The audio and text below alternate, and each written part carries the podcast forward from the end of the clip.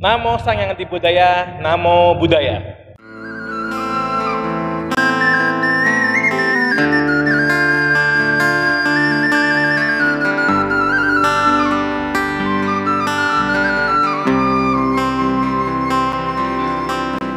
Pada zaman Buddha, hiduplah seorang pangeran yang bernama Pangeran Payasi. Pangeran Payasi tidak percaya dengan kehidupan setelah kematian. Tidak percaya untuk melakukan perbuatan baik. Lalu pada saat Biku Kumarakasapa datang ke kotanya, kota Kusala, Pangeran Payasi bertemu dengan Biku Kumara tersebut. Mereka melakukan diskusi Pangeran Payasi bertanya kepada uh, Biku Kumara Kasapa, apakah ada kehidupan setelah kematian? Saya tidak percaya orang yang berbuat jahat dapat terlahir di alam neraka karena setelah orang jahat meninggal, dia tidak menginformasikan ke saya setelah ke mana setelah kematian. Bante Kumara Kasapa mengatakan, Pangeran Payasi, saya ingin bertanya, apakah ada orang jahat dilakukan hukuman mati? Apakah sempat memberitahukan kepada teman-temannya bahwa melakukan perbuatan jahat akan dihukum mati? Tidak sempat, Payasi. Beliau akan langsung dibunuh. Pangeran Payasi menanyakan hal yang kedua. Bante, saya tidak percaya orang baik setelah meninggal masuk surga. Karena tidak ada orang baik setelah meninggal menginformasikan saya tentang surga. Bante Kumara Kasapa menjawab, Payasi, apakah ada orang yang tersebur di dalam septic tank diselamatkan, dibersihkan, dan diberi tingkat tinggal yang mewah, mau kembali terjun ke dalam septic tank? Pasti tidak mau. Begitu pula di dalam surga. Tidak mau untuk terlahir lagi di alam manusia. Tidak punya kesempatan untuk memberitahukan informasi kepada alam manusia nikmatnya surga. Karena di alam surga sudah sangat nikmat sekali. Pertanyaan ketiga dari Pangeran Payasi. Bante, saya tidak percaya kembali lagi terkait dengan kehidupan setelah kematian. Surga dan neraka tidak ada. Saya tidak percaya hal-hal tersebut karena tidak ada informasi terkait dengan hal-hal itu. Bante Kumara Kasapa menjawab, hiduplah seorang buta. Ada matahari yang terang, ada bulan yang begitu indah. Apakah dengan orang yang tidak melihat tersebut tidak percaya terhadap bulan dan bintang, terhadap bulan dan matahari. Padahal matahari dan bulan itu ada benar adanya. Karena ketidaktahuan manusia, karena ketidaktahuan orang buta tersebut untuk mengetahui bulan dan bintang, maka tidak bisa dibilang itu tidak percaya. Karena bulan dan bintang itu ada. Surga dan neraka itu ada. Kata Bante Kumara Kasapa. Baik Bante, terima kasih atas penjelasannya. Pangeran Payasi mulai hari itu menjadi semangat dan mengerti terkait dengan ajaran agama Buddha. Lalu beliau mempunyai semangat yang tinggi menanyakan bagaimana untuk melakukan perbuatan-perbuatan baik. Bante Kumara Kasapa menjawab, perbuatan baik dilandasi dengan perbuatan yang tulus, melakukan perbuatan dana sebelum, saat, dan setelah melakukan dana itu harus dengan bahagia, happy. Karena dengan kebahagiaan dapat menghasilkan karma yang sempurna. Yang paling baik adalah saat sebelum, saat berdana, dan saat setelahnya dilakukan dengan penuh kegembiraan dan tidak penuh dengan penyesalan. Itu yang baik, kata Bante Kumara Kasapa. Lalu pemberian yang baik adalah pemberian yang tidak membunuh atau tidak adanya proses pembunuhan dari hewan-hewan. Dengan penjelasan dari Bante Kumara Kasapa, Pangeran Payasi pun semangat untuk melakukan perbuatan baik.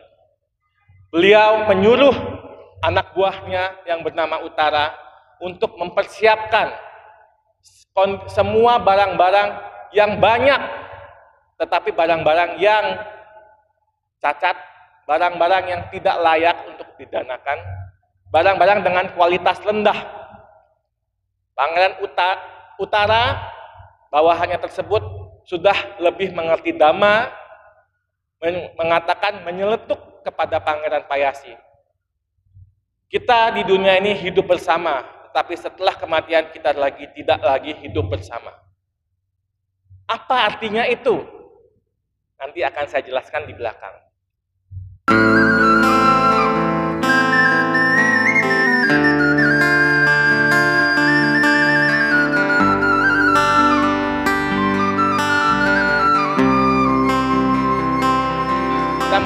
Dana hendaklah dengan barang-barang kualitas yang bagus, bukan barang sisaan, bukan barang yang tidak kita pakai, kita bisa danakan.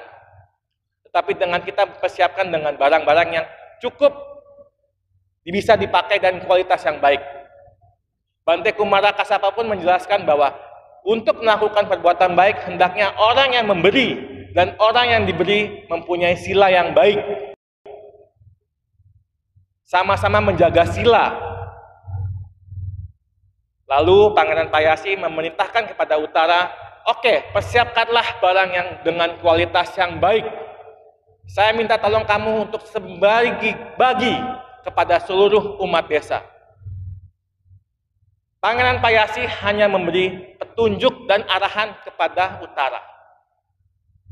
Utara menjalankan perintah tersebut dengan sukacita, dengan penuh kegembiraan sebelum, saat, dan melakukan perbuatan baik yang dibagikan dari hasil dari Pangeran Payasi dengan sukacita. Lalu karena kondisi karma kehidupan sudah habis dan melakukan uh, reinkarnasi dan tumimba lahir, Pangeran Payasi lahir di alam surga Catu Maharajika, surga tingkat pertama. Lalu utara lahir di mana? Lahir di surga Tawatimsa, lebih tinggi dari Catu Maharijika. Loh, kok bisa seperti itu? Waktu itu ada bante, maaf saya lupa uh, bantenya siapa namanya, tetapi bante tersebut dengan kekuatan batin mengunjungi Pangeran Payasi yang berada di Catu Maharajika. Mengunjungi uh, utara yang ada di Tawatimsa. Lalu diceritakanlah kondisi-kondisi tersebut dan diambillah kesimpulan. Lakukan perbuatan baik bukan hanya kita hanya suruh dan melakukan dengan materi. Tapi hendaklah perbuatan baik itu dilakukan dengan tangannya sendiri. Dengan tangannya sendiri dibagikan ke yang lain. Dan juga dalam cerita ini pun punya kesimpulan, utara yang tidak mempunyai materi, dia hanya membagikan hasil sumbangan yang dilakukan, yang didapat dari Pangeran Payasi, tetapi bisa terlahir di alam surga yang lebih tinggi daripada Pangeran Payasi, atau yang pemberi dana, atau yang punya donatur, yang bisa di dalam kehidupan sekarang ini. Karena mereka melakukan dengan tangannya sendiri utara. Maka dari itu dengan kesimpulan seperti ini mengatakan bahwa kita hendaknya umat Buddha, mari kita lakukan perbuatan baik dengan tangan kita sendiri.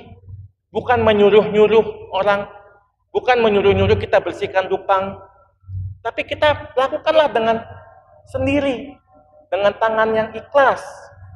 Sebelum, saat, dan setelahnya dilakukan dengan sukacita. Tidak ada penyesalan, tidak ada penderitaan, tidak ada kemarahan, dengki, kita lakukan dengan ikhlas, itu mendapatkan hasil yang sangat luar biasa. Kami juga sarankan untuk melakukan dana kepada biku sangga, melakukan dana makanan, itu dengan tangannya sendiri, hand to hand kepada biku sangga. Semangat inilah hal-hal yang patut dilakukan di dalam Weya Waca. Kita melakukan pemberian dengan tulus, tidak adanya penyesalan. Hal-hal ini yang memotivasi kita untuk terus melakukan kebajikan. Karena semasa hidup ini, semasa hidup kita ini hendaknya kita lakukan dengan penuh kebajikan. Hukum karma tidak bisa kita lihat dengan kasat mata, tapi hukum karma dapat kita rasakan. Ingin tahu kita melakukan apa di kehidupan sebelumnya? Refleksikanlah diri kita, apa yang kita dapat di dalam kehidupan sekarang. Angin tahu di kehidupan yang akan datang kita dapat apa? Refleksikanlah apa yang kita akan lakukan.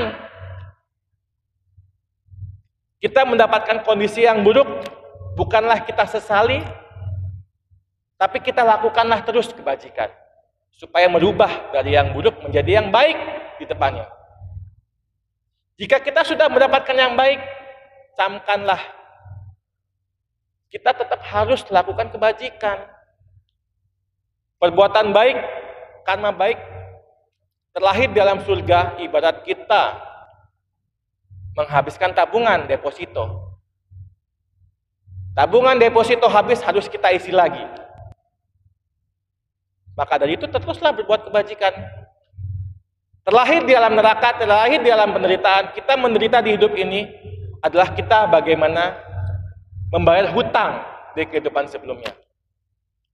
Bayar hutangnya kita cicil dengan perbuatan baik. Sehingga hutang itu berkurang. Kita tidak lagi menderita. Dengan penderitaan tersebut hilang akan ada kebahagiaan. Bapak Ibu sekalian, kesempatan yang berbahagia ini kami mengajak Bapak Ibu untuk terus melakukan kebajikan, untuk terus bersemangat dalam Buddha Dharma, untuk terus bersemangat dalam hidup ini. Motivasi hidup kita, sisa hidup kita, mari kita lakukan dengan penuh semangat untuk berbuat kebajikan, berbuat hal-hal yang patut dilakukan. Bapak Ibu, teruslah semangat, semangat terus untuk mencapai nibana. Terima kasih, selamat siang, salam sejahtera buat kita semua. Namo Sang Yang Di Budaya, Namo Budaya.